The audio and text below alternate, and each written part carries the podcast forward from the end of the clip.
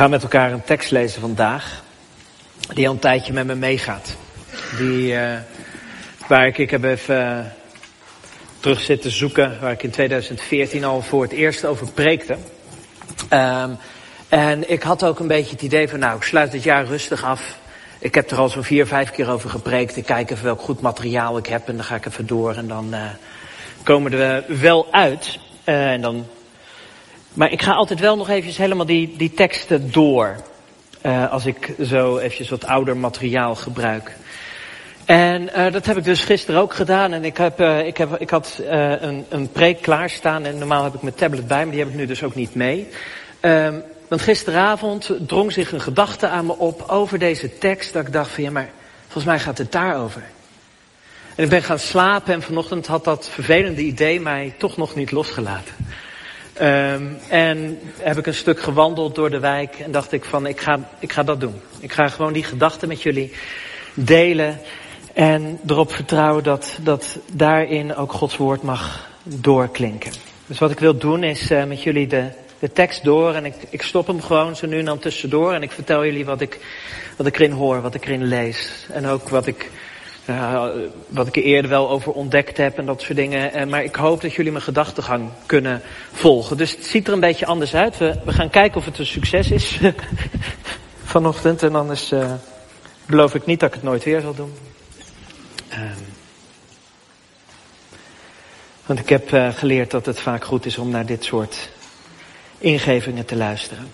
We lezen met elkaar uit Lucas 2, vanaf vers 22. Lucas 2 vanaf vers 22 en we lezen tot met 40. Toen de tijd van hun onreinheid volgens de wet van Mozes ten einde was, brachten ze hem naar de Jeruzalem om hem aan de Heer aan te bieden. Zoals is voorgeschreven in de wet van de Heer. Elke eerstgeboren zoon moet aan de Heer worden toegewijd. En ook wilden ze het offer brengen dat de wet van de Heer voorschrijft. Een koppel tortelduiven of twee gewone duiven. Jozef en Maria zijn onderweg dus naar Jeruzalem. Bethlehem ligt vlak bij Jeruzalem. Of ligt er niet ver vandaan. En uh, zij zijn onderweg. Ik hoor een piep, dat zal waarschijnlijk weggaan. Uh, ze zijn onderweg om te doen wat de wet van de Heer voorschrijft. En eigenlijk spelen hier twee dingen. Uh, het rein verklaren, wat een vrouw na 40 dagen zou mogen uh, gaan doen. Na haar bevalling konden ze zich laten rein verklaren. En het andere is een gebod wat ontstaan is na uh, de. ja, heel, heel veel van die geboden zijn natuurlijk in die tijd ontstaan. Maar wat heel erg terugverwijst naar de uittocht uh, uit Egypte. Want alle eerstgeborenen waren gestorven. En als herinnering daaraan moest al het eerste van de oogst, van het vee, maar ook de kinderen, moest aan de Heer worden gewijd. Moest door de Heer heilig genoemd worden. Uh, zoiets staat er in, in het Grieks. Het moest aan de Heer heilig genaamd worden. Dus het moest heilig verklaard worden voor de Heer. Net zoals de, de eerstgeborenen stierven um, in Egypte. Uh, maar de, de, uh, de eerstgeborenen van de Israëlieten bespaard bleven door het bloed van het lam, wat aan de posten van de deuren uh, gesprenkeld was. Zo bleef dat een gebruik. En moesten ze als het ware, zeg maar, dat kind gaan vrijkopen. En wat zij meebrengen, die, die twee duiven, de tortelduiven of duiven staat er, Um, dat is eigenlijk uh, de, de armenconcessie. Hè? Dus de, de concessie die er gedaan wordt van, joh, eigenlijk moet het een lam zijn wat je komt offeren voor je eerstgeborene, net als toen met Pesach. Maar uh, als je wat armer bent, arme lui die mochten ook twee duifjes meebrengen. Dus zo zijn zij onderweg en, en dat vind ik ook zo mooi. Er staat hier dus um, de wet van Mozes, maar er staat ook twee keer in deze tekst staat de wet van de Heer. We hebben hier, we hebben uh, met kerst gehoord dat de Heer Jezus Christus zelf is. Dat, dat God in Jezus Christus bijzonder in een mens aanwezig is. Dat het Gods eigen kind is. Dat het de Heer is. Dat, dat, hij, dat hij uh, ho, ho Curios is. Dat hij de Heer is. Dat staat hier. Dat zij gaan om de wet die de Heer voorschrijft uh, uh, te doen, te vervullen. Dus ze gaan met de Heer onderweg om de wet van de Heer te vervullen. En wat doen ze? En dus daar zouden zeg maar mensen zoals jij en ik, zouden daar ons kind aan de Heer toewijden. En wat gebeurt er in de tempel? Er woonde toen in Jeruzalem een zekere Simeon. Hij was een rechtvaardig en vroom man die uitzag naar de tijd dat God Israël vertroosting zou schenken en de Heilige Geest rustte op hem. Het was hem door de Heilige Geest geopenbaard dat hij niet zou sterven voordat hij de Messias van de Heer zou hebben gezien. Gedreven door de Geest kwam hij naar de tempel. En toen Jezus ouders met hun kind daar, uh, hun kind daar binnenbrachten om met hem te doen wat volgens de wet gebruikelijk is, nam hij het in zijn armen en loofde God. En ze komen in de tempel. Ze komen met de Heer in de tempel. Ze komen met God zelf in de tempel. God geeft zichzelf over aan de wet die hij zelf geschreven heeft voor zijn mensen. En dan wordt dat kind niet in de handen van God gelegd, maar in de handen van deze priesterlijke man, namelijk Zacharias. De Heer wordt in de handen gelegd, als kwetsbaar kind in de handen gelegd uh, van uh, een Israëliet naar Gods hart. Hij wordt in de handen gelegd van een mens dat verwachtingsvol uitziet naar de komst van de Allerhoogste. Degene die, die verwachtingsvol uitziet naar de komst van, van God naar deze aarde, krijgt God in zijn handen gelegd. Voel je die, die ommekeer? God vraagt aan mensen om zich aan Hem toe te wijden. Uh, in, in plaats daarvan doet Hij precies hetzelfde, maar omgekeerd. God zelf laat zich als een kwetsbaar kind in de handen uh, van Simeon leggen. In de, zei ik zo net Zacharias? Misschien zei ik zo net Zacharias. Ik bedoelde Simeon. In de handen van Simeon leggen. Uh, hij vertrouwt zich volledig aan ons toe. En die gedachte, dat beeld van God die zich in de handen laat leggen van een mens die verwachtingsvol naar hem uitziet. Dat is zo sterk. Er zit zoveel in. Zoveel waar we van, uh, van kunnen leren. Want ik, ik, denk, ik weet niet hoe dat met u zit. Maar ik worstel vaak met overgave. Ik hou altijd mijn reserves als het gaat over God. Er zijn gewoontes waar ik moeilijk afscheid van neem. Er is een papier waar ik graag aan vasthoud op zondag. Um, of een tablet in mijn geval. Um, er zijn gewoontes in mijn leven waar ik eigenlijk afscheid van moet nemen wat ik niet doe. En ik denk dat dat alles te maken heeft met overgave. En we denken dat we niet goed zijn in overgave, maar we geven ons voortdurend over aan dingen waar wij op vertrouwen. Heel vaak is dat, en zeker ook in Vathorst, is dat geld. Is dat de carrière? Is dat onze uh, gezondheid? Als ik maar uh, genoeg sport, genoeg gezonde dingen doe, dan, uh, dan gaat het goed in mijn leven. Je geeft je over aan, aan de sportschool, aan je carrière. Je geeft je over aan je gezin, omdat je verwacht dat als jij je gezin perfect doet, dat je uh, de goede opvoeder bent, dat uiteindelijk uh, je daarin vrede zult vinden. Dat je daarin rust zult vinden. Maar hier krijgt een, en de traditie maakt van hem een oude man, dat staat nergens in de tekst, maar Simeon krijgt hier God in de handen gelegd en hij zegt dit. Nu laat u, Heer, uw dienaar in vrede heen gaan zoals u hebt beloofd. Want met eigen ogen heb ik de redding gezien die u bewerkt hebt ten overstaan van alle volken. Een licht dat geopenbaard wordt aan de heidenen en dat tot eer strekt van Israël, uw volk. Prachtig hè, dat Simeon die krijgt die, die, dat kind in de handen gedrukt en je zou denken van hé, hey, dit is nog incompleet. Simeon kan onmogelijk dat hele plaatje al zien. Dat hele, de hele theologie eromheen al zien. De hele, het hele verhaal eromheen al zien. Waarvan wij zeggen, uh, de, uh, uh, dat Jezus voor onze zonde gestorven is aan een kruis en op de derde dag is opgestaan uit de doden ter vergeving van zonde. Dat hele verhaal wat in onze beleidenis is vastgelegd, kan Simeon toch onmogelijk al zien. Maar hij zegt niet, ik,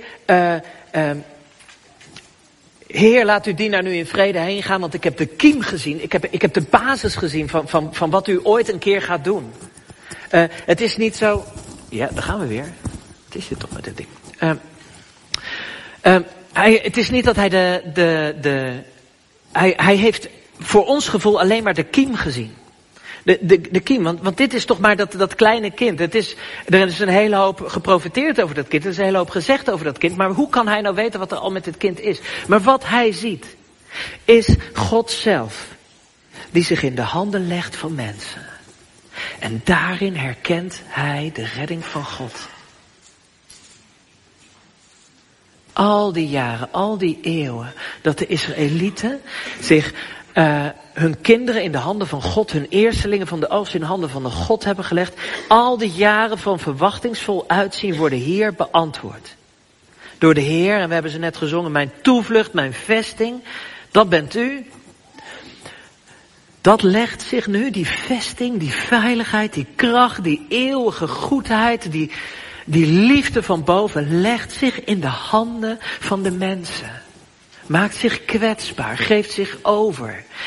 Laat zijn veiligheid, zijn, zijn toevlucht en zijn vesting van ons afhangen. Het is een totale ommekeer. Maar het is, het is Gods antwoord. Op al die mensen die, die dat wat, wat ze aan God geheiligd hebben, die dat in Gods handen hebben gelegd. En God doet nu hetzelfde terug. Wat een enorm vertrouwen. God behandelt ons hier nog meer hij zet zichzelf onder ons in dit verhaal. In plaats van boven ons. En Simeon die ziet niet alleen de redding voor zichzelf. Nee, hij ziet hierin de beloofde koning die, die beloofd is voor alle volken. Voor heel de wereld. Het is niet een redding die hij alleen voor zichzelf verwacht. En uh,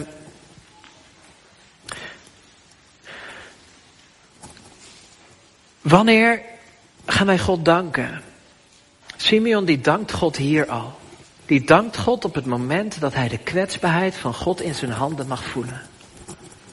Op dat moment dankt hij God al. En zegt hij, dit is voldoende, dit is genoeg. Meer hoef ik niet van u te ontvangen. Dat, dat, dat u mij dat geeft. Wanneer is het voor ons genoeg? Wanneer gaan wij God danken? Wanneer al alles klopt weer in ons leven, wanneer wij onze zaken weer volledig op orde hebben, wanneer Hij ons volledig gered heeft? Nee. Het verhaal van Simeon daagt ons uit om nu al te danken. Om nu al te zien dat, het, dat God ons redt. Dat God aanwezig is en dat, dat, dat jouw overgave aan die God terecht is. Omdat die overgave van God aan jou groter is nog dan dat jouw overgave ooit zou kunnen zijn.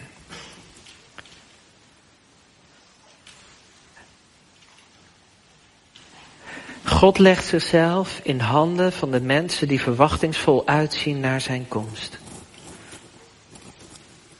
Zijn vader en moeder, ik lees verder vanaf vers 33, waren verbaasd over wat er over hem gezegd werd.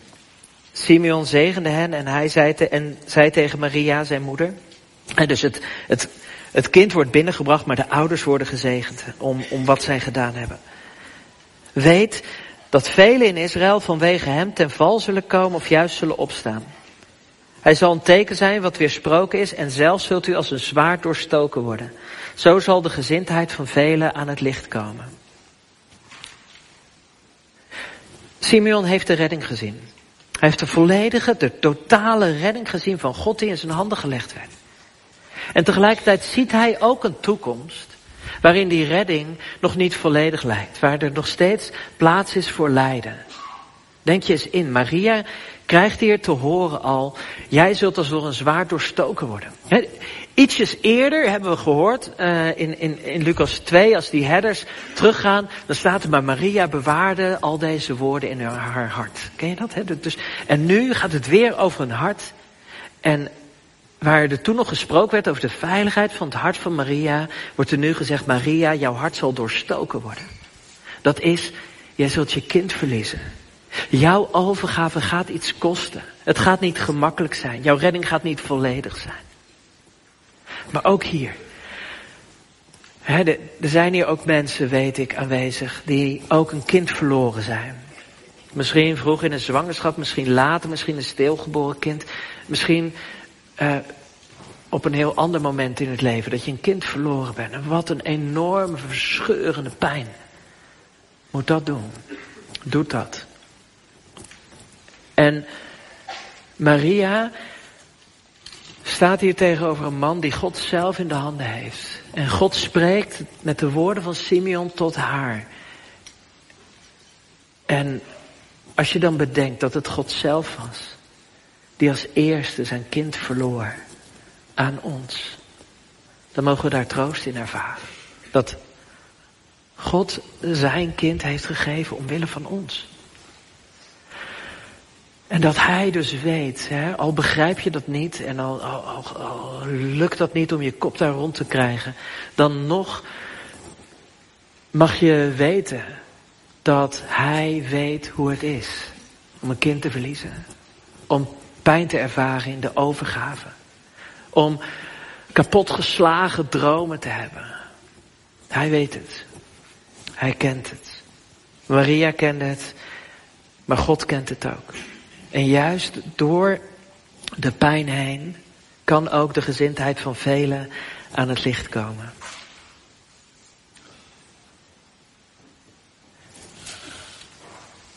Het laatste stuk lezen we. Er was er ook een profetes, Hanna, de dochter van Fanuel uit de stam Azer.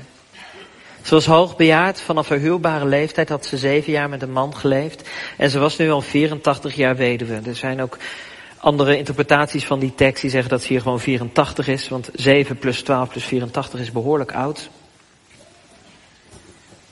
Een oude vrouw.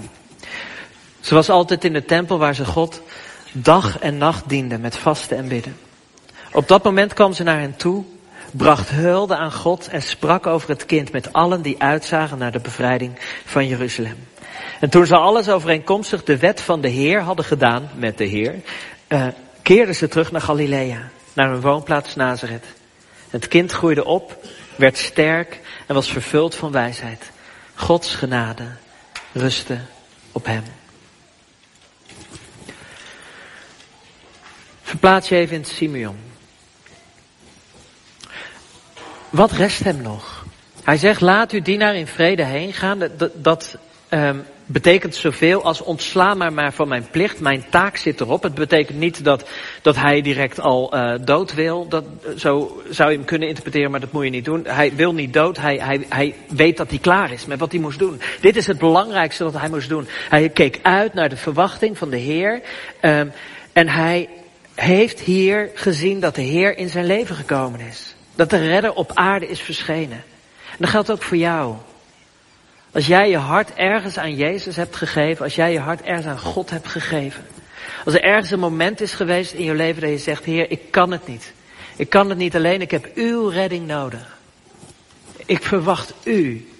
Ik verwacht het niet meer van mijn gezin, van mijn werk. Ik verwacht het niet meer van mijn geld.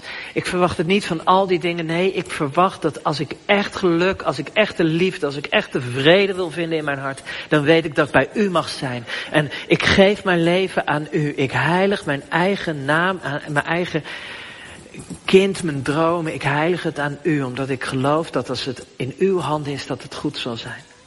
Als je dat moment hebt meegemaakt, als dat iets zegt hier tegen jou vandaag, um, dan mag je weten dat, dat, dat Gods redding volledig is in jouw leven. Dat er niets meer aan toe te voegen is. De rest is bonus, de rest is extra, de rest is feest. Heb je wel eens zo naar je leven gekeken? Datgene wat, wat, wat het belangrijkste is in elk mensenleven. En Misschien zit je hier en denk je van, hé, hey, ik heb, die, die ervaring heb ik nog helemaal niet zo. Niet op die manier. Zover ben ik nooit gekomen. Ik heb altijd te veel vast willen houden. Alsjeblieft, geef je eraan over. Laat het zien. Um, breng het voor hem, want hij wil je zoveel meer geven dan dat al die andere goden in je leven kunnen geven. Um, kijk, dat krijg je als je preek mee bent. Dan krijg je soms de draad van je verhaal kwijt. Maar, um, maar dit is het. Dit was wat je moest bereiken in het leven. Dit is het belangrijkste. Hier ging het om.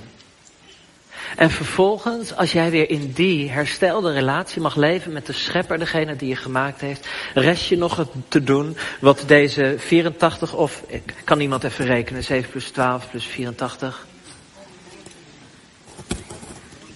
103, dankjewel. Je moet de talenten van anderen inzetten. Is ze zelf niet. 103. Wat heel leuk is, over, over Simeon lezen we niet dat ze oud is, maar over Hanna lezen we dat wel. Ze staat aan het einde van het leven. Wat rest daar nog? Wat, wat, wat, wat, wat, blijft, wat blijft er nog over? Maar wat doet zij? Zij spreekt uh, met iedereen die het wil horen. Of, uh, hoe, hoe staat het er?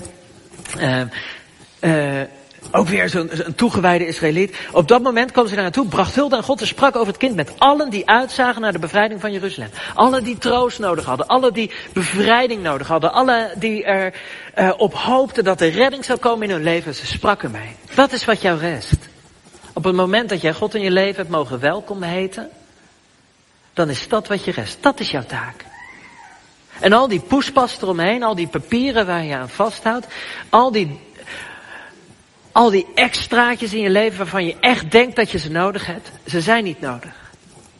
Datgene wat jou nog rest, de rest van je leven, is te vertellen van Hem.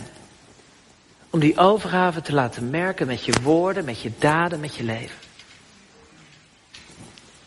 Tot slot. Ik weet niet of u er al heen bent gelopen en ik denk dat u dat nog even moet doen. Um, zaal, even kijken, moet ik het goed denken, dat zijn zaal 2 en 3, geloof ik dat het is, of is het 1 en 3? 1 en 2, dankjewel. Hey, mag even uh, applaus voor alle klussers die zo ontzettend gewerkt hebben uh, de afgelopen tijd in ons gebouw. Hebben jullie het gezien? Loop even erheen. Laat je raken en, en ga er even heen en, en bid op die plek. Want over twee dagen Mogen wij een jonge vrouw met haar kind, jonge vrouwen met hun kinderen verwelkomen, Heer. Mogen ze bidden zien komen in de tempel. En mogen we misschien op sommige momenten zelfs hun kinderen even in de armen gedrukt krijgen. Wanneer de relaties ontstaan met ons. En mag het dan zo zijn, als Simeon, dat wij in de overgave aan een ander mens en de overgave die Simeon daar heeft ten opzichte van dat kleine kind, want het is een wederkeer iets. Dat kleine kind wordt in de hand van Simeon gelegd. Maar Simeon zegt ook, ik verwacht mijn redding van jouw kind. Dat we in die wederzijdse overgave, in de komende weken en maanden die dit gaat duren, iets mogen ontdekken van Gods hart. Wij gaan jonge vrouwen met hun kinderen welkom heten in de tempel. En het zou zomaar kunnen dat wij in die ontmoeting God zelf gaan ontmoeten. Mag ik met jullie bidden?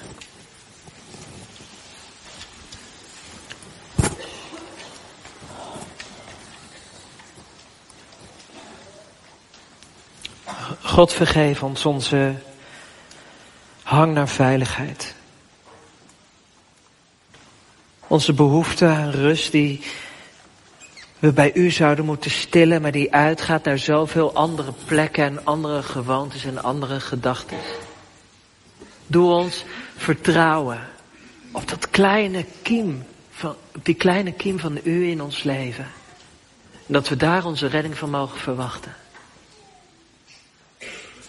Waai met uw geest door ons heen. Overspoel ons met uw liefde. Vader, ik bid u voor degenen die hier vandaag zijn, die zich nog niet herkennen in die overgave. Voor wie het een vreemd iets is dat de Heer, die groot en machtig en toevlucht is, zich op zo'n kwetsbare manier aan ons wil openbaren. En ons uitdaagt zelf kwetsbaar te zijn. Ik bid u voor hen, geef hen de moed tot overgave. En ik bid u voor hen, voor wie die overgave geweest is, maar dat ze hem kwijt zijn geraakt. Dat ze er opnieuw naar op zoek zijn. En ik bid u, geef hen de moed. Geef hen het vertrouwen. Geef hen uzelf in, uw, in hun armen. En heet hen welkom in uw armen. Vader, maak ons als een Simeon en als een Hanna. Die hun redding steeds van u verwachten en hun leven aan u toewijden. En geef ons meer van uw geest en uw kracht en uw liefde. Amen.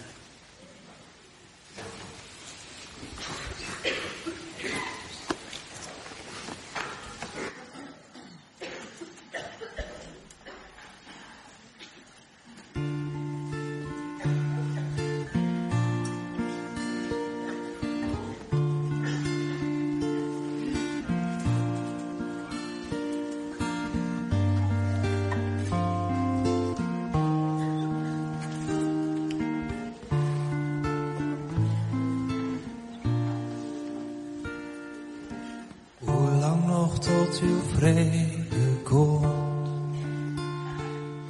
Wanneer vertroost u Israël? Hoe lang tot uw gezalde komt? En Davids huis in eer herstel. Hoor ons gebed, zie ons verdriet. Onthoud ons uw genade